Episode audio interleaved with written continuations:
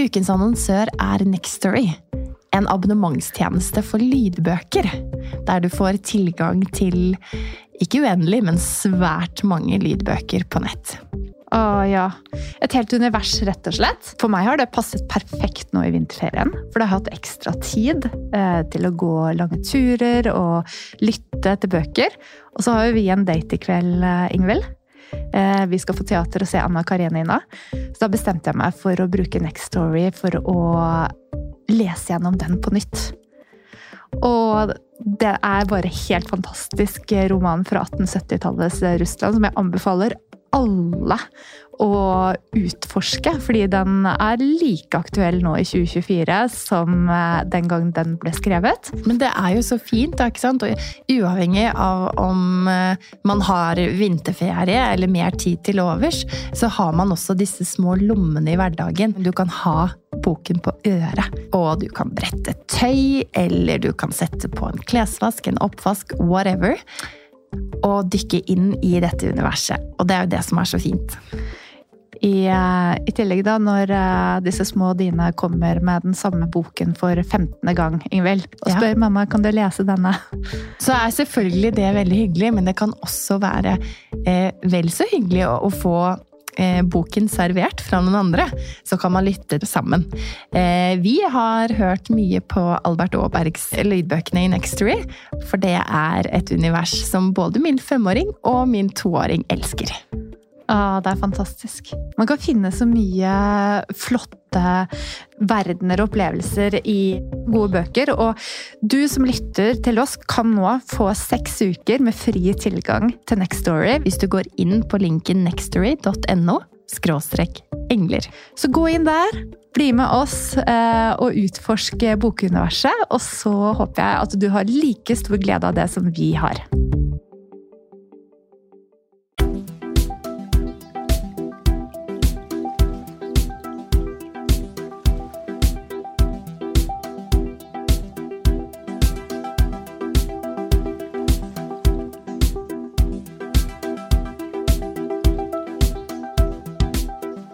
Välkommen till Änglar och hormoner.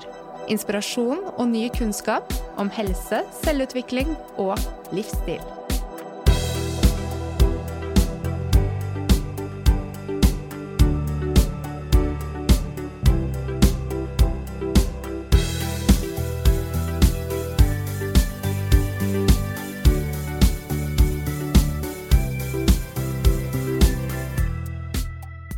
Vi er to kvinner som er lidenskapelig opptatt av kvinnehelse. Og det er spesielt disse overgangene en kvinne går igjennom. Gjennom pubertet, gjennom et svangerskap, gjennom fødsel og gjennom det å bli mor. Og gjennom klimakteriet, overgangsalderen, som fascinerer oss aller mest. For hva vi kan gjøre for å påvirke disse prosessene til å være mest mulig positive? I dag skal vi snakke om overgangsalderen eller klimakteriet, som det også heter på svensk. Og om det å være sterk i prosessen, og hvilke fordeler det kan ha.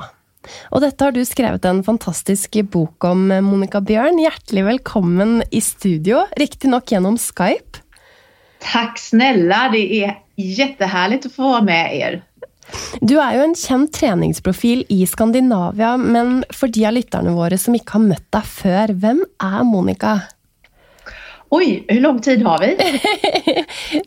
du, kan, du kan ta kortversionen. ja, jag tar kortversionen. Jag eh, har jobbat hela mitt eh, yrkesverksamma liv med träning och hälsa. Så jag har jobbat mycket med utbildningar av instruktörer, framför allt i eh, spinning och nu de senaste åren även med yoga. Och jag jobbar både med stora grupper och på individnivå med både kvinnor och män faktiskt. Eh, sen så är jag även personlig tränare och coach. Jag är egentligen utbildad idrottsvetare och beteendevetare. Och så skriver jag böcker när jag har tid över. Mm.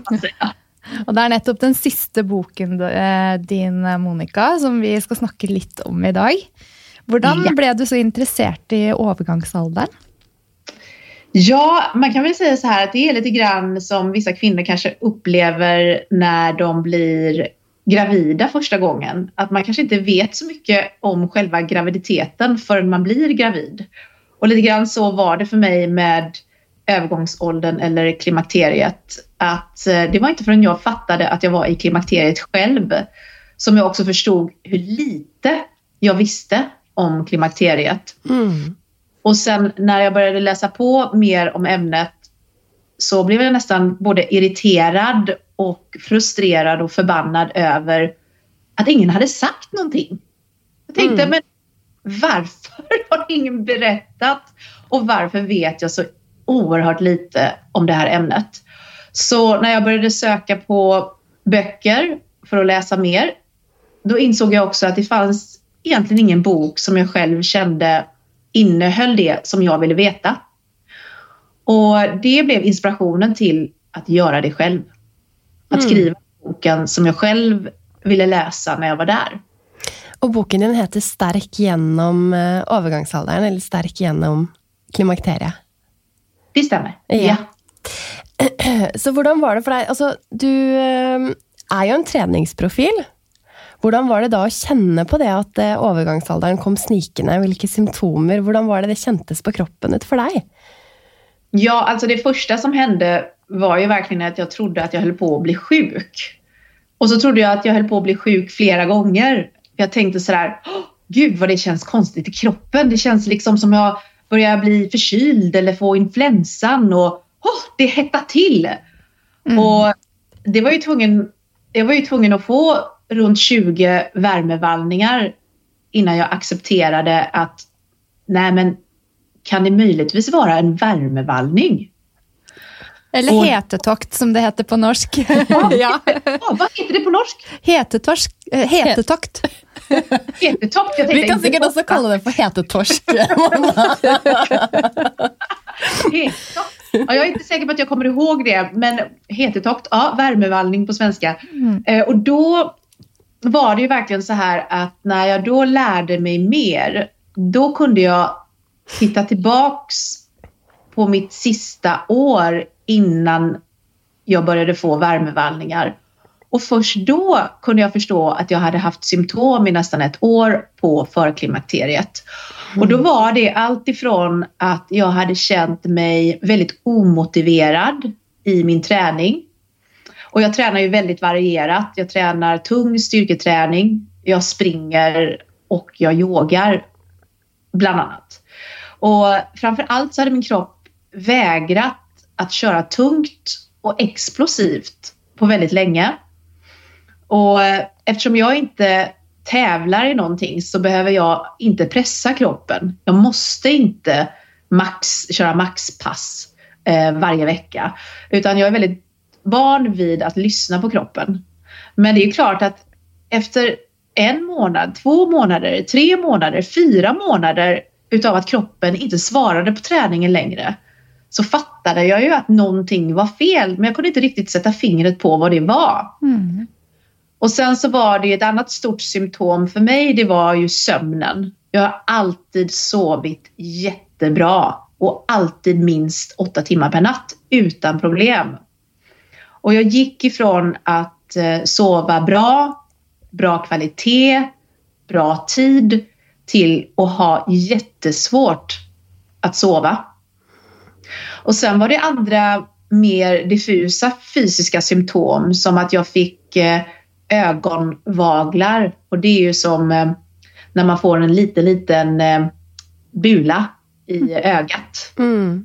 Och det hade jag aldrig haft tidigare. Och jag fick urinvägsinfektioner som jag inte heller hade haft. Jag hade aldrig haft en urinvägsinfektion i vuxen ålder. Eh, så att det var ju några utav de fysiska symptomen. Men det som egentligen var svårast att sätta fingret på, det var de subtila mentala och psykiska symptomen. Jag märkte att jag började skjuta upp saker jag märkte också att både mitt självförtroende och min självkänsla påverkades. Och jag är en person som är väldigt van vid att ha många bollar i luften. Mm. Och jag är väldigt trygg i vad jag kan och vad jag inte kan. Så det var en otroligt eh, stressande upplevelse att känna att jag delvis började skjuta upp saker men också att jag började tvivla på mina egna färdigheter och vad jag kunde eller inte kunde göra. Eh, och det var verkligen inte förrän jag lärde mig mer om klimakteriet som jag kunde verkligen sätta ihop alla tecknen och, och förstå att allting faktiskt hängde ihop. För det du snackar om nu, förklimakteriet, det är då perioden för du faktiskt mister menstruation? Ja, alltså det här är ju väldigt intressant för att när man läser litteratur och forskningsartiklar så är det inte så att det är en direkt linje mellan vad som är förklimakteriet och klimakteriet. Och det beror faktiskt lite grann på vilken litteratur man läser, vilken forskningsrapport man läser, hur de definierar de två olika perioderna. Så det är faktiskt en gråzon kan man säga och eh, förenklat sett så kan man säga att förklimakteriet det är den perioden där regelbunden mens börjar bli oregelbunden. Ja. Och det vanligaste mönstret är att den glesas ut. Alltså att någon ägglossning kan hoppa över och man då inte får mens eller mensen blir väldigt kraftigt försenad. Mm. Sen så kan du ha en normal ägglossning några månader och sen så kan den hoppa över igen. Mm. Och det är inte ovanligt att det kan pågå en period och sen är det inte heller ovanligt att det går över till att blöda väldigt mycket. Mm. Konstant. Och under den här perioden är det också väldigt vanligt vid att man får svårare PMS än vanligt. Mm. Och det här kan vara en period på flera år och den kan börja redan i tidig 40-årsålder. Mm. Och det innebär ju att du fortfarande är fertil men att kroppens östrogenproduktion börjar bli mer oregelbunden. Mm. Och där någonstans kan man säga att förklimakteriet börjar och där får vissa kvinnor fortsatt andra typer av symptom och vissa kvinnor får inte fler symptom förrän runt menopaus. Och så kan man säga då att ju längre in man kommer så är det väldigt diffust vad som sen blir klimakteriet. För klimakteriet på svenska så säger vi övergångsåldern. Mm. Och det är egentligen ett bättre sätt att förklara det på för klimakteriet är egentligen tiden både innan menopaus och efter menopaus. Och menopaus är ju egentligen bara en medicinsk term då för att tala om att man har varit blödningsfri i 12 månader. Så där vet man ju inte ens att man är förrän man är ute på andra sidan. Ja. Eh, och vi kallar det övergångsålder i Norge också. Um, och så är det många kvinnor som går på hormonprevention. Så att ja. detta med att tracka sin egen cyklus är inte alltid lika enkelt. Precis. Så för kvinnor som har hormonspiral till exempel mm. eh, har ju ingen mens överhuvudtaget. Så de brukar inte märka av att de är i förklimakteriet innan de får vad ska vi säga, mer vanliga besvär. Och de absolut vanligaste besvären som de flesta kvinnor känner igen, det är just värmevallningarna och svettningarna. Mm. Det kan vara samma sak för dem att först när värmevallningarna och svettningarna sätter igång, då kan det vara möjligt att de också känner igen andra symptom som de faktiskt har haft en längre period. Ja, för det, det är ju lite subtila symptomer, så det kan vara vanskligt att definiera akkurat vad är vad. Eh, men dessa hetetoktene och nattesvetten, vad är det det kommer av, Monica? Det beror ju på att de sviktande östrogennivåerna påverkar regionen i hjärnan som reglerar temperaturinställningen. Och när den då blir påverkad utav den här bristande eh, östrogenproduktionen så blir den helt förvirrad och slår på och ökar temperaturen och reaktionen till det blir att den snabbt vill minska temperaturen. Och det kan säkert många kvinnor känna igen, framför allt under natten mm. när man då behöver köra vad jag, vad vi kall, vad jag kallar för svängdörren. Mm. Med täcket där man blir varm, kall, varm, kall, varm, kall. Eh, och eh, man har faktiskt inte exakt kunnat förklara processen i detalj än. Utan man vet bara att temperaturcentrumet i hjärnan påverkas. Och det är då den lavere östrogennivået. Det, det påverkar kanske kroppen på andra måter också, Monica? Det är ju ja. ett viktigt hormon. Det, det är fantastiskt viktigt hormon för oss kvinnor. Och det är ju så här att det är också därför vi påverkas på så otroligt många olika sätt. Och jag tycker också att det är viktigt att påpeka att symptomen är individuella. De är verkligen individuella från kvinna till kvinna. Så det är, man kan liksom inte jämföra sig med andra kvinnor, vilka symptom de har eller vilken intensitet de har på sina symptom. Ungefär 80 procent utav alla kvinnor får symptom. Och ungefär 20 procent då får egentligen nästan inga symptom alls. Mm. Men av de 80 procenten som får symptom så får ungefär 30 procent ganska svåra symptom. Och med svåra symptom, det definierar jag Svåra symptom är när du inte kan leva ditt liv som du gjorde innan. Alltså du kanske har svårt att klara av ditt jobb. Du har svårt att eh, vara så som du brukar vara i din relation. Du kanske tappar humöret med dina barn. Du kanske vill isolera dig och inte träffa folk för att du mår så himla dåligt. Eh, allt det skulle jag säga är symptom då som påverkar din livskvalitet. Eh, men för att gå tillbaks till ursprungsfrågan, vad är det för områden i kroppen som påverkas av bristande östrogennivåer? Så är det faktiskt så, det är allt i kroppen. Det är allt ifrån kroppens slemhinnor, vilket innebär att både ögonen, munnen påverkas. Så för kvinnor i mitten av livet är det extra viktigt att sen framöver verkligen ta hand om sin munhygien och tandhygien. För även slemhinnorna i munnen påverkas och det kan faktiskt leda till mer karies i tänderna. Mm. Vi har östrogenreceptorer i öronen. Så hörseln kan påverkas. Vi har massvis med östrogenreceptorer i hjärnan. Och det kan förklara kvinnor upplever vad vi säger på svenska hjärndimma. Och hjärndimma är när hela ditt, dina minnesfunktioner påverkas, inlärningen påverkas, kon, koncentrationen påverkas. Och jag brukar beskriva hjärndimma som att det är så trögt när du ska tänka. Och du kan, liksom, du kan tappa ord och tappa namn.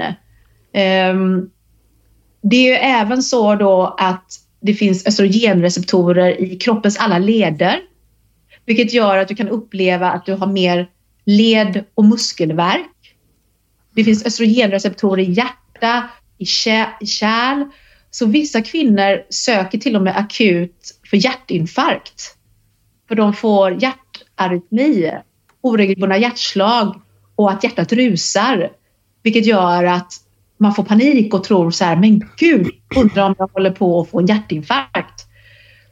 Och sen så är det ju det området som då har flest egentligen östrogenreceptorer är ju underlivet. Och det kanske är första stället vi tänker på med torra slemhinnor. Och det var någonting som verkligen upprörde mig otroligt mycket över att vi är så dåligt informerade om detta. Att vi inte får den informationen. Att det är jätteviktigt att veta med sig att lokal östrogenkräm eller lokalt verkande östrogenvaginatorer som man använder i underlivet kan bespara så många kvinnor onödigt lidande mm. med torra slemhinnor i, i, i underlivet. Sköra slemhinnor eh, där det är torrt, där det gör ont, där det drar ihop sig, där man får täta urinvägsinfektioner, mm. eh, där man kissar på sig, man får trängningar och trängningsinkontinens. Och med trängningsinkontinens så spelar det ingen roll hur många knipövningar du gör.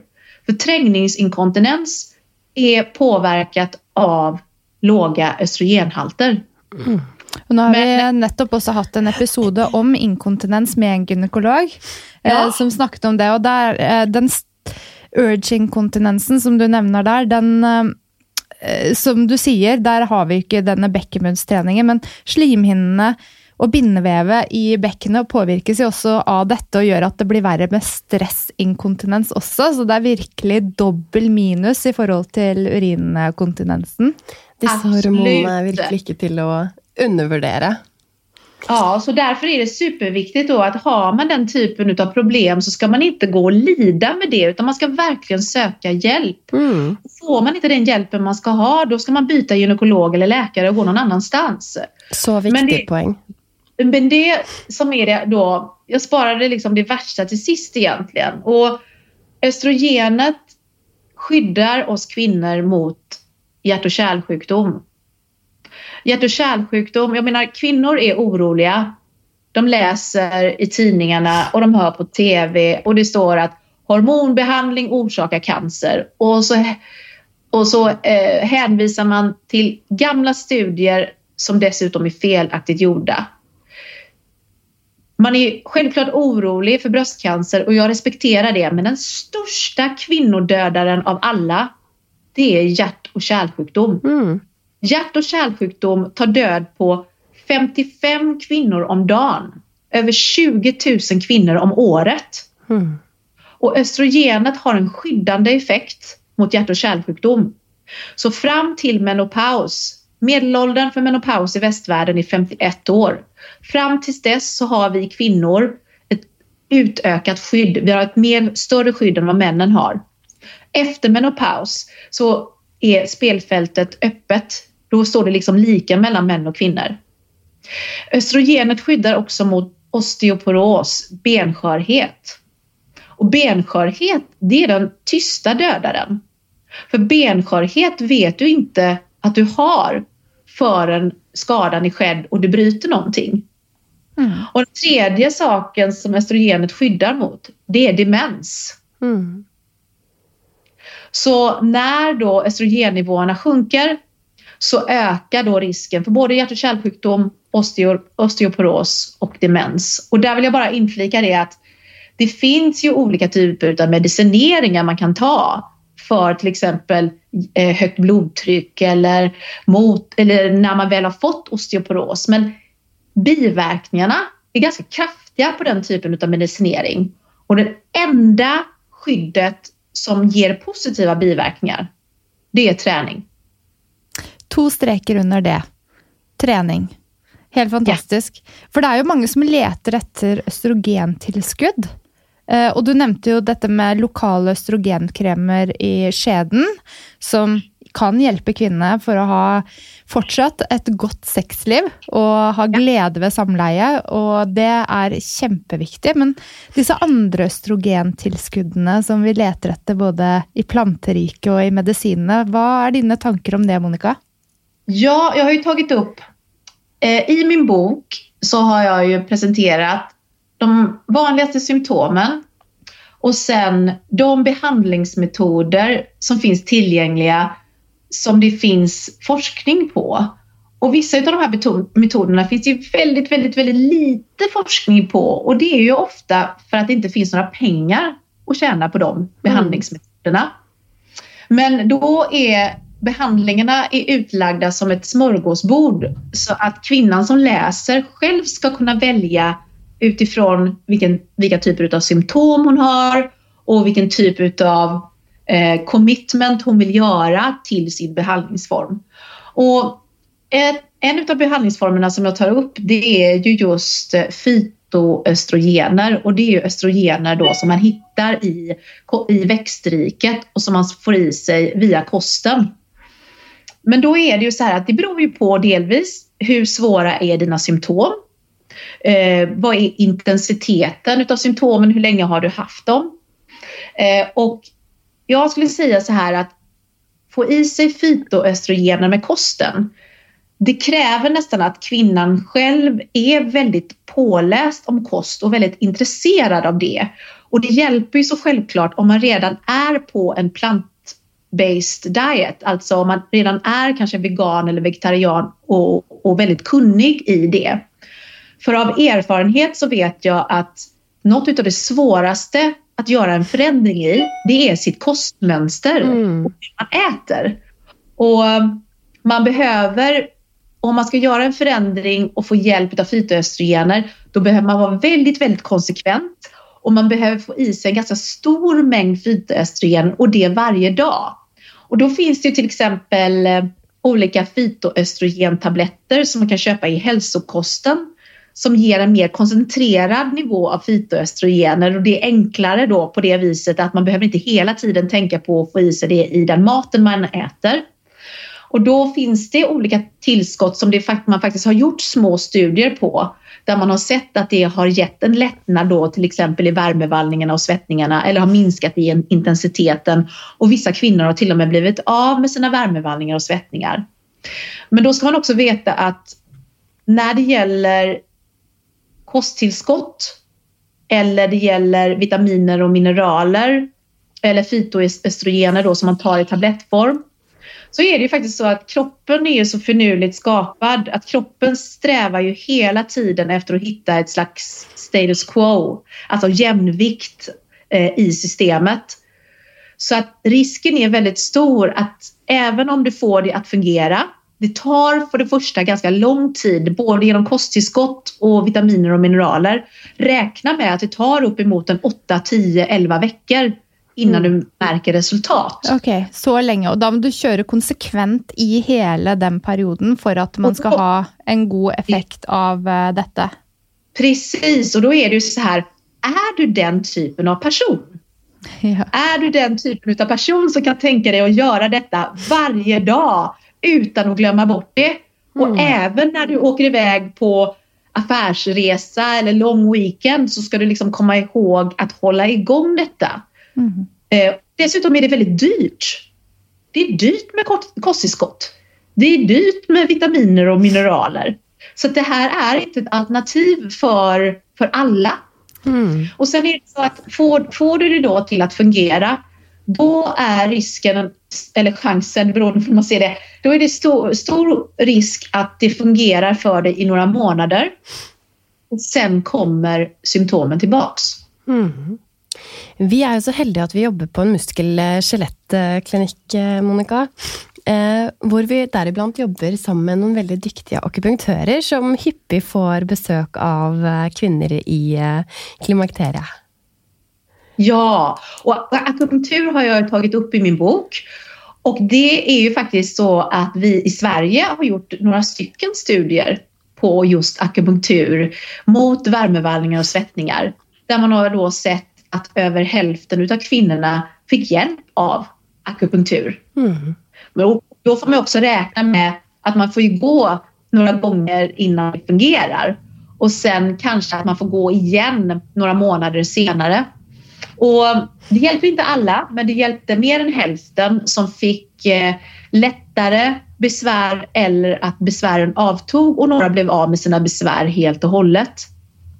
Väldigt spännande. Det är ju eh, inte så mycket forskning på detta och det är ju något vi ser eh, till stadighet när vi tar upp teman som har med kvinnohälsa att göra. Men eh, två av tiltakene som du har skrivit om i boken din, träning och meditation det er tilgjengelig for alle. Så treningen Ja. Ja, faktiskt är det så här att det publicerades en ganska stor studie förra året som gjordes på Linköpings universitet i Sverige. Där kvinnor som aldrig hade styrketränat tidigare fick styrketräna två gånger i veckan, hela kroppen och det skulle vara tillräckligt tufft så att de blev trötta. Och eh, de fick jättefina resultat i den studien där de fick lindrade besvär eller blev av med sina värmevallningar och svettningar. Så det finns även studier gjorda på konditionsträning. De är också gjorda på kvinnor som inte har tränat tidigare. Och där har man, har man också då sett resultat. finns eh, få, men några stycken studier gjorda på yoga och klimakteriet där man också har sett att kvinnor har fått hjälp utav detta. Eh, jag kan säga rent generellt att som kvinna mitt i livet så är mitt tips att man tänker på att om man vill leva ett funktionellt hälsosamt liv och med det menar jag att man ska kunna klara av sin vardag. man ska ha energi över.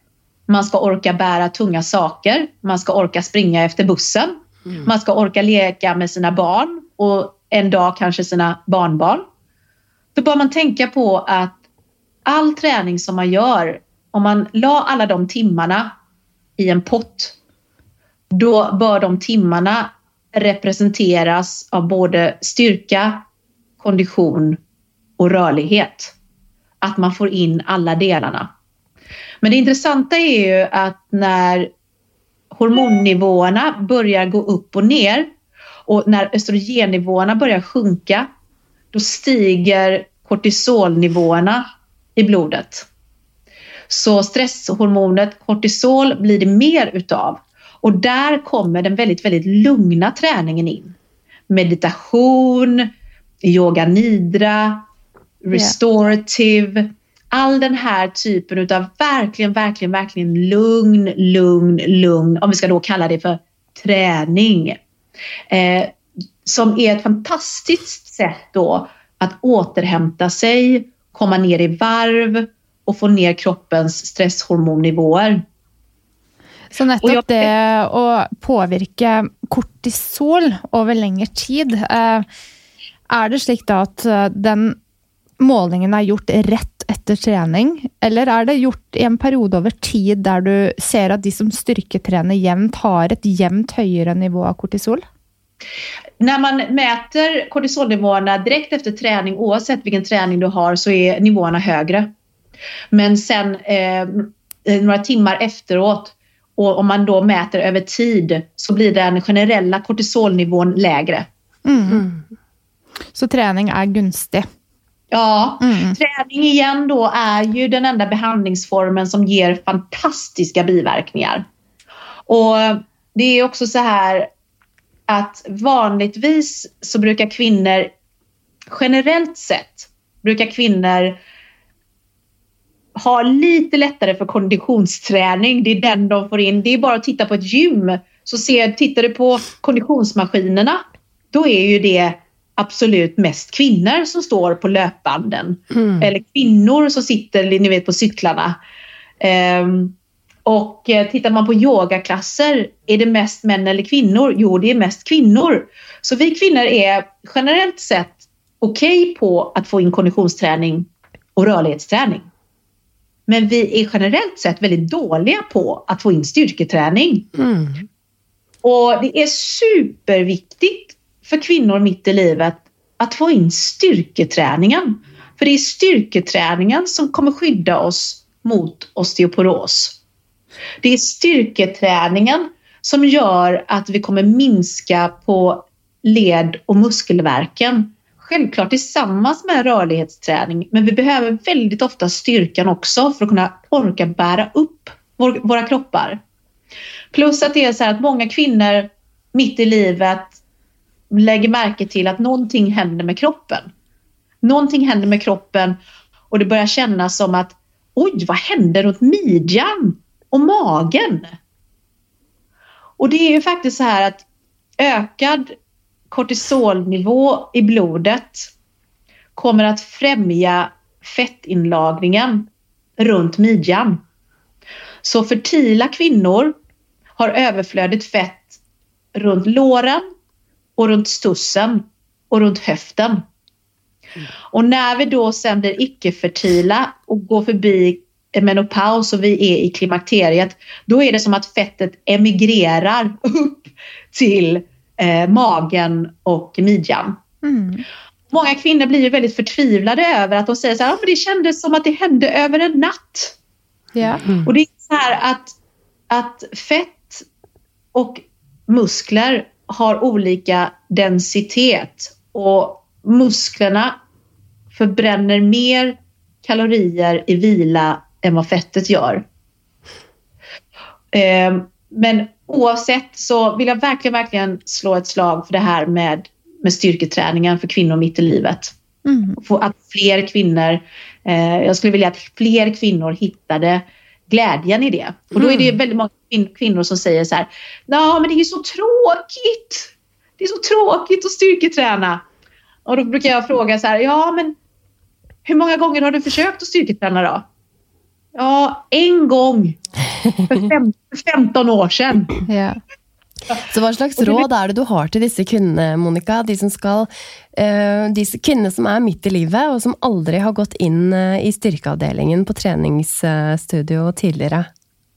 Mitt råd till er kvinnor som sitter där ute och funderar på var ni ska börja. Det är att det här är tiden i livet där du ska sätta dig själv först. Du ska investera i en egen personlig tränare. Mm. Og lære deg å trene styrke på riktig måte. Ja, Ja. precis. Mm. Och ha någon som kan lära dig och peppa dig. Ja. Så köp fem eller tio gånger med en duktig, påläst, uppdaterad personlig tränare. Och det kan vara en av de bästa investeringarna du gör i år.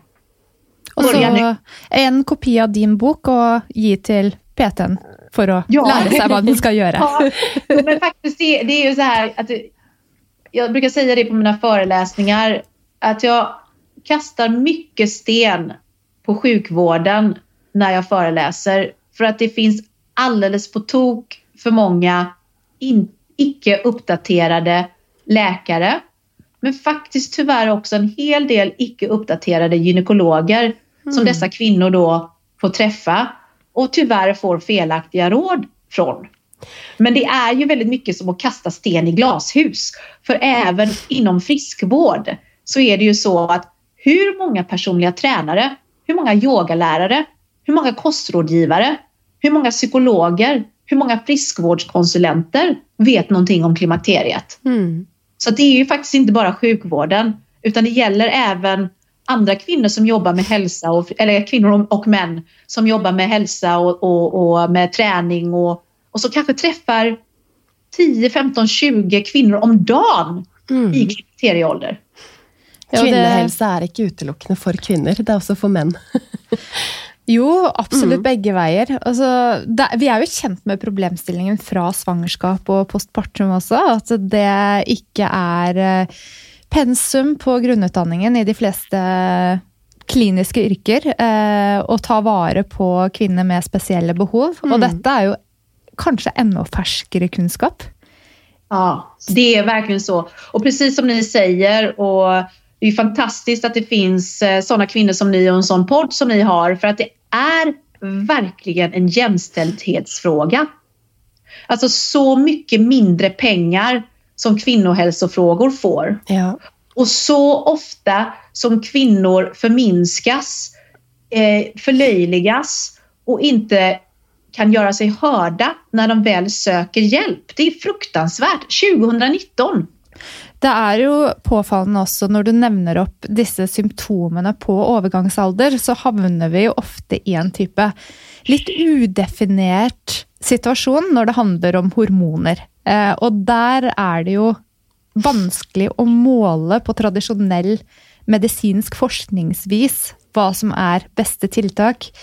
Og eh, vi kan jo ikke komme bort ifra at vi er individer, akkurat som Monica sa tidligere. Vi har individuelle symptom, Mm. og vi kan ikke bli sett på som én gruppe med én type reaksjon, for vi er unike.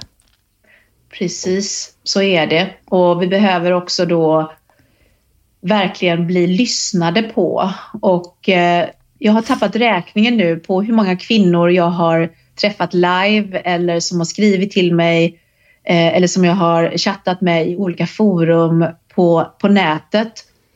Men som har sökt hjälp så länge hos så många olika specialister och inte förrän de har då fått hormonbehandling så har magiskt alla symptomen försvunnit.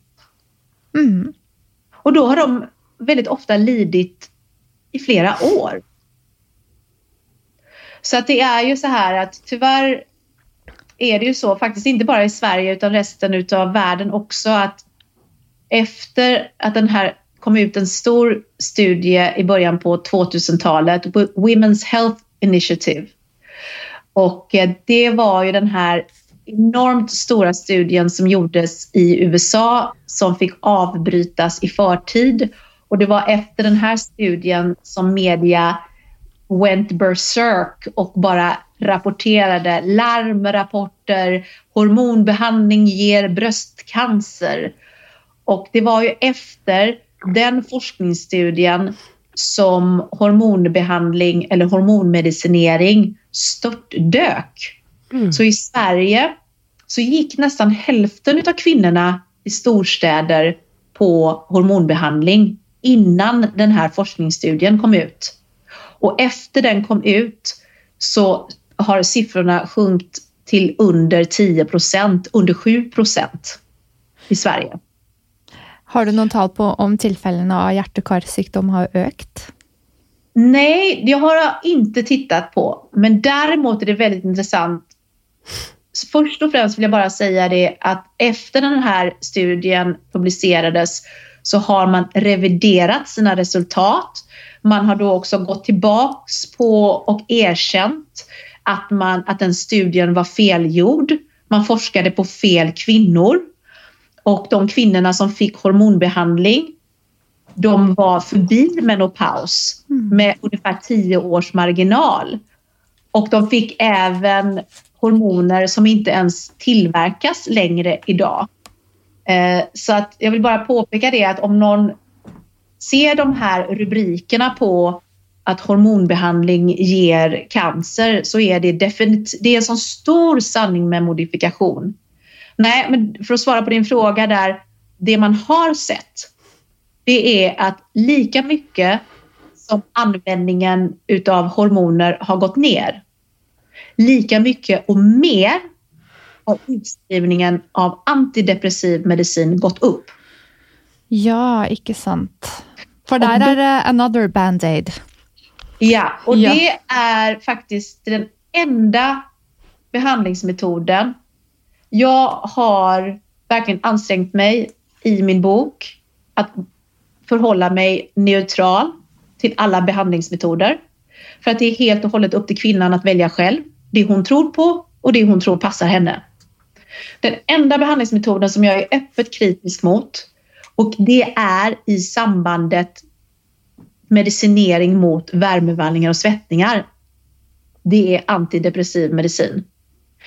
Jag är inte emot antidepressiv medicin såklart när det används mot klinisk depression. Det är ju fantastiskt att det finns. Men i svensk kurslitteratur för läkare och gynekologer så står det att antidepressiv medicin, SSRI, är en behandlingsmetod som också kan rekommenderas. När man sen går in och tittar på de forskningsstudierna som har gjorts så är det knappt hälften av kvinnorna som får någon effekt överhuvudtaget av eh, antidepressiv medicin mot värmevallningar och svettningar. Däremot är risken för biverkningar väldigt stor. Och en annan effektiv medicin mot nettopp detta är igen träning. Exakt. Mm. Och det, eh, det kommer ju tydligt fram den eh, tonen din där Monica i boken också, det syns jag verkligen.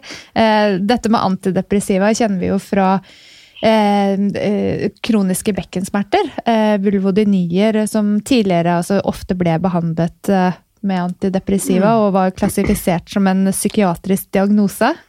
Uh, My vagina is not depressed var det en bok som het från USA, där det satte fokus på nettopp bruken av uh, antidepressiva mot denna tillstånd också. Uh, är det har du någon kommentar till varför detta igen kommer fram runt typiska kvinnohälsoplager? Jag tror tyvärr att det är på det här viset att man väljer the easy way out. Mm. Vad är det lätta att göra när en kvinna kommer och beklagar sig då som de ser det över sina diffusa symptom där väldigt ofta nedstämdhet, oro, lite ångest, eh, letargi är en del utav symptomen. Då är det väldigt, väldigt lätt att verkligen, ja, vad gör jag? Enklaste vägen är att föreskriva SSRI. Mm. Och då har det gjort ett tilltag. Och, ja. For disse hormonendringene, det er jo ren kjemi i kroppen. Og det påvirker oss jo uansett hvor sterk viljen er. Det har du jo nettopp forklart oss mange eksempler på. Men kan det være et poeng å jobbe mer rent mentalt med å akseptere dette? Er dette en utfordring for mange? Ja, och det är faktiskt eh, en av behandlingsformerna som jag nämner i boken också. Det är KBT-terapi eller annan typ av terapi. Och eh, det är också någonting som jag pratar om eh, lite kort på mina föreläsningar. Också i samband faktiskt med viktnedgång mitt i livet. Och det har att göra med eh, kvinnans självkänsla. Eh, kvinnans relation, känslomässiga relation till mat och till sin kropp. Och tyvärr är det så att många kvinnor som jag jobbar med på individbasis är fortfarande i krig med sin kropp. Mm. Med sitt utseende, med sin vikt. Och man har en inställning till sin kropp som inte direkt bygger på glädje eller tacksamhet eller samarbete eller kärlek. Ehm, så det är ju, det är ju en sak, eh, det är, det är en sida på saken. Sen, sen är det ju självklart också det här, för många kvinnor är det en sorg att inte längre vara fertil. Det är ett avslut av ett kapitel och ett start på en annan. Vissa kvinnor, vissa studier då vill också mena att det här är också en tid i livet där många kvinnor har tonårsbarn hemma. Det är väldigt lustigt hur naturen har fixat till det. En mamma som är i klimakteriet, ett barn som går igenom tonåren och allt vad det innebär. Och, och, och det kan ju vara eh, en, en kamp i sig i vissa hem. Och i vissa hem så är det så att barnen är på väg hemifrån redan och kanske ska flytta ut. Och det är en omställning. Mm. Där kvinnor kanske har sjuka föräldrar som man ska ta hand om. Så att det är så otroligt många olika lager av psykologin bakom. Och jag tycker att om det verkligen är värt att investera i en personlig tränare. Jag skojar verkligen inte när jag säger att det här är verkligen fasen i livet där det är din tur att sätta dig själv i första rummet. Att egenvård, själavård och det kan betyda en eh, egen psykolog, en egen terapeut, en egen personlig tränare. Men att verkligen jobba igenom alla delarna för att komma ut så stark som möjligt på andra sidan. Inte bara fysiskt stark mm. utan även mentalt och psykologiskt stark. Mm. när kan vi göra det och kan vi få hjälp med de besvären vi möjligtvis har så är ju det här en helt fantastisk tid i livet. För det första är vi fortfarande alive. Vi lever fortfarande. Det var ju inte en självklarhet på 1800-talet eller 1700-talet eller tidigare. Utan bara det är ju en gåva. Men vi har ju all den livserfarenheten med oss med alla de här åren som vi har haft på arbetsmarknaden. Eh, med alla de åren utav erfarenheter av relationer eller vara förälder eller vad det nu än är som vi brinner för i livet. Och jag brukar säga det att det är en fantastisk tid i livet också att lära sig att säga nej. Många, mm. många kvinnor är väldigt duktiga på att säga ja och väldigt dåliga på att säga nej. Så det brukar jag också ge som tips. Säg mer nej. Och det blir nästan så här att när man väl har börjat så är det så oerhört befriande. Mm. Att det blir nästan nej, nej, nej, nej, nej, nej. Oh, härligt! Och förhoppningsvis är vi också då när vi har landat i oss själva lite mer trygga i det. Och vi kan äga vår ålder och stå starka i den vi är. Så rätt och slett bruke denna processen som en mental träningsprocess där du definierar dig själv på nytt i en ny roll? Absolut. Mm. Och se det som en, en nystart i 2.0-versionen utav dig själv. Ja. Men uh, dette her med styrke inn i siste delen av livet, det har vi jo også sett så utrolig mange gode eksempler på hvorfor det er viktig. Helse er viktig. Og så popper denne yogaen opp igjen. Uh, og der er det jo også mange som bruker yogapraksisen til en form for selvrefleksjon. Ja. Har um, du noen tanke selv om hvordan nettopp det kan brukes for en form for eh, mentaltrening også? Har du noen refleksjonspunkter som man kan ta med seg inn i en yogapraksis? Ja, alltså yogan är ju fantastisk på just det viset att den berör oss på så många olika plan. Och oavsett egentligen, för de flesta i dagens moderna samhälle så är det enklare för många kvinnor att ta till sig den fysiska yogan på ett eller annat sätt.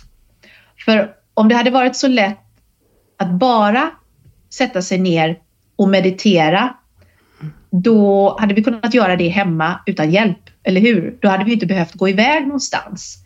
Så för många i dagens stressade samhälle så är vägen in till självreflektionen genom den fysiska kroppen. Och ibland är det så att vi behöver bara vi behöver gå på en yogaklass eh, där vi fått jobba igenom kroppen från topp till tå och sedan då möjligtvis få landa i meditation eller landa i en längre avslappning och då händer det mycket spännande saker. Mm. Eh, och ibland är det inte ens så att vi är medvetna om det. Det är inte ens så att någon behöver säga till oss att idag ska du fundera på de här frågorna eller idag ska du tänka på detta, utan ibland är det verkligen bara så att det händer utav sig självt. Och jag tror att det har väldigt mycket att göra med att det är sällan idag som vi faktiskt spenderar vaken tid med oss själva där vi inte är stimulerade av någonting annat. Mm. Stimulerade av en eh, telefon eller av en tv-serie eller av en bok eller av ett samtal. Utan vi verkligen får vara med oss själva på mattan. Eh, och jag skulle vilja säga istället för att säga att gör så här eller gör så här så är det bara ta det till mattan, praktisera, försök att få in det som en eh, regelbundenhet i ditt liv och framför allt de dagarna du känner att jag har inte tid. Mm. Ta tio minuter. Ta tio minuter bara. Och eh, ett annat tips är verkligen att, och framför allt för er kvinnor som kanske har haft väldigt svårt för de mer lugna yogaformerna tidigare, att göra utrymme för dem från mitt i livet och framåt. Og det å lande på matten, eh, det vil jo også være med på stressmestring. Og stress er jo også én faktor som spiller inn i hjerte-karsykdommer, så absolutt noe å ta med seg inn i livet etter overgangsalderen for kvinner. Mm. Ja, så viktig. Å lande på matten med en stabil kjerne og en dyp, aktivert mula banda, eh, og virkelig stå stødig i alle disse endringene, det, det, er fantastiske tanker. Jeg håper at vi får se mer av dette fremover, Monica. Mer av denne oppmerksomheten rundt uh, overgangsalder og feminin yoga. Ja, jag, jag kallar ju mig för klimakterieaktivist och jag är ute på en föreläsningsturné nu så jag håller på att sprida budskapet en stad i taget. Mm. Som du selv avslutter boken, Monica, 'This too shall pass'. Og det finnes ingen årsak til at man skal lide seg gjennom en periode av livet som kan vara upp till tio år. Precis. Och vet du, det, med det vill jag verkligen bara påpeka det att vi kvinnor, vi är världsmästare på att bita ihop. Vi kan ta så mycket stress, vi kan ta så mycket skit och vi klarar av att göra så många saker samtidigt. Jag menar, hur hade världen klarat sig utan kvinnor? Men när det gäller det här, precis som du säger, vi måste bli bättre på att sluta bita ihop i vissa frågor. Och när det mm. gäller vår egen hälsa, sluta bita ihop, sök hjälp. Får du inte rätt hjälp, byt läkare eller gynekolog. Jag kan inte säga det tillräckligt många gånger. Det är, det är så, så viktigt. Jeg tenker eh, også ved at du deler denne kunnskapen nå, Monica, at du har tatt denne jobben med å sammenfatte kunnskapen for å styrke kvinners egenkunnskap om hva vi kan gjøre selv, og hva vi kan få hjelp til. Det er så utrolig viktig. Mm. Og eh, vi heier på deg. Vi eh, sier liksom at vi ska också törra att ta plats. Mm. Mm. Ja, tack snälla. Jag ser så mycket fram emot. Jag kommer snart till Oslo. Ja. Det Det skal mange bli- som kan møte deg her. Åh, vad kul det ska bli. Tusen takk, Monica. Vi avslutter med dine egne ord oversatt. Våg å eie din egen alder med stolthet. Tør å ta plass, og vi ses på den andre siden. Hvor er det vi kan finne deg, lytterne våre? Ja, jag finns på monicabjörn.se. Jag finns på Instagram under mitt namn, Monica med K, Monica Björn. Och jag har en eh, Facebook-sida i mitt eget namn också, Monica Björn. Mm. Fantastisk, Monica. Tusen takk for at du tok deg tid. Og kom gjerne ofte til Norge, så vi får lære mer om hvordan vi skal ta vare på kvinnehelse. Tack snälla för att jag fick komma och gästa er. Tack så mycket.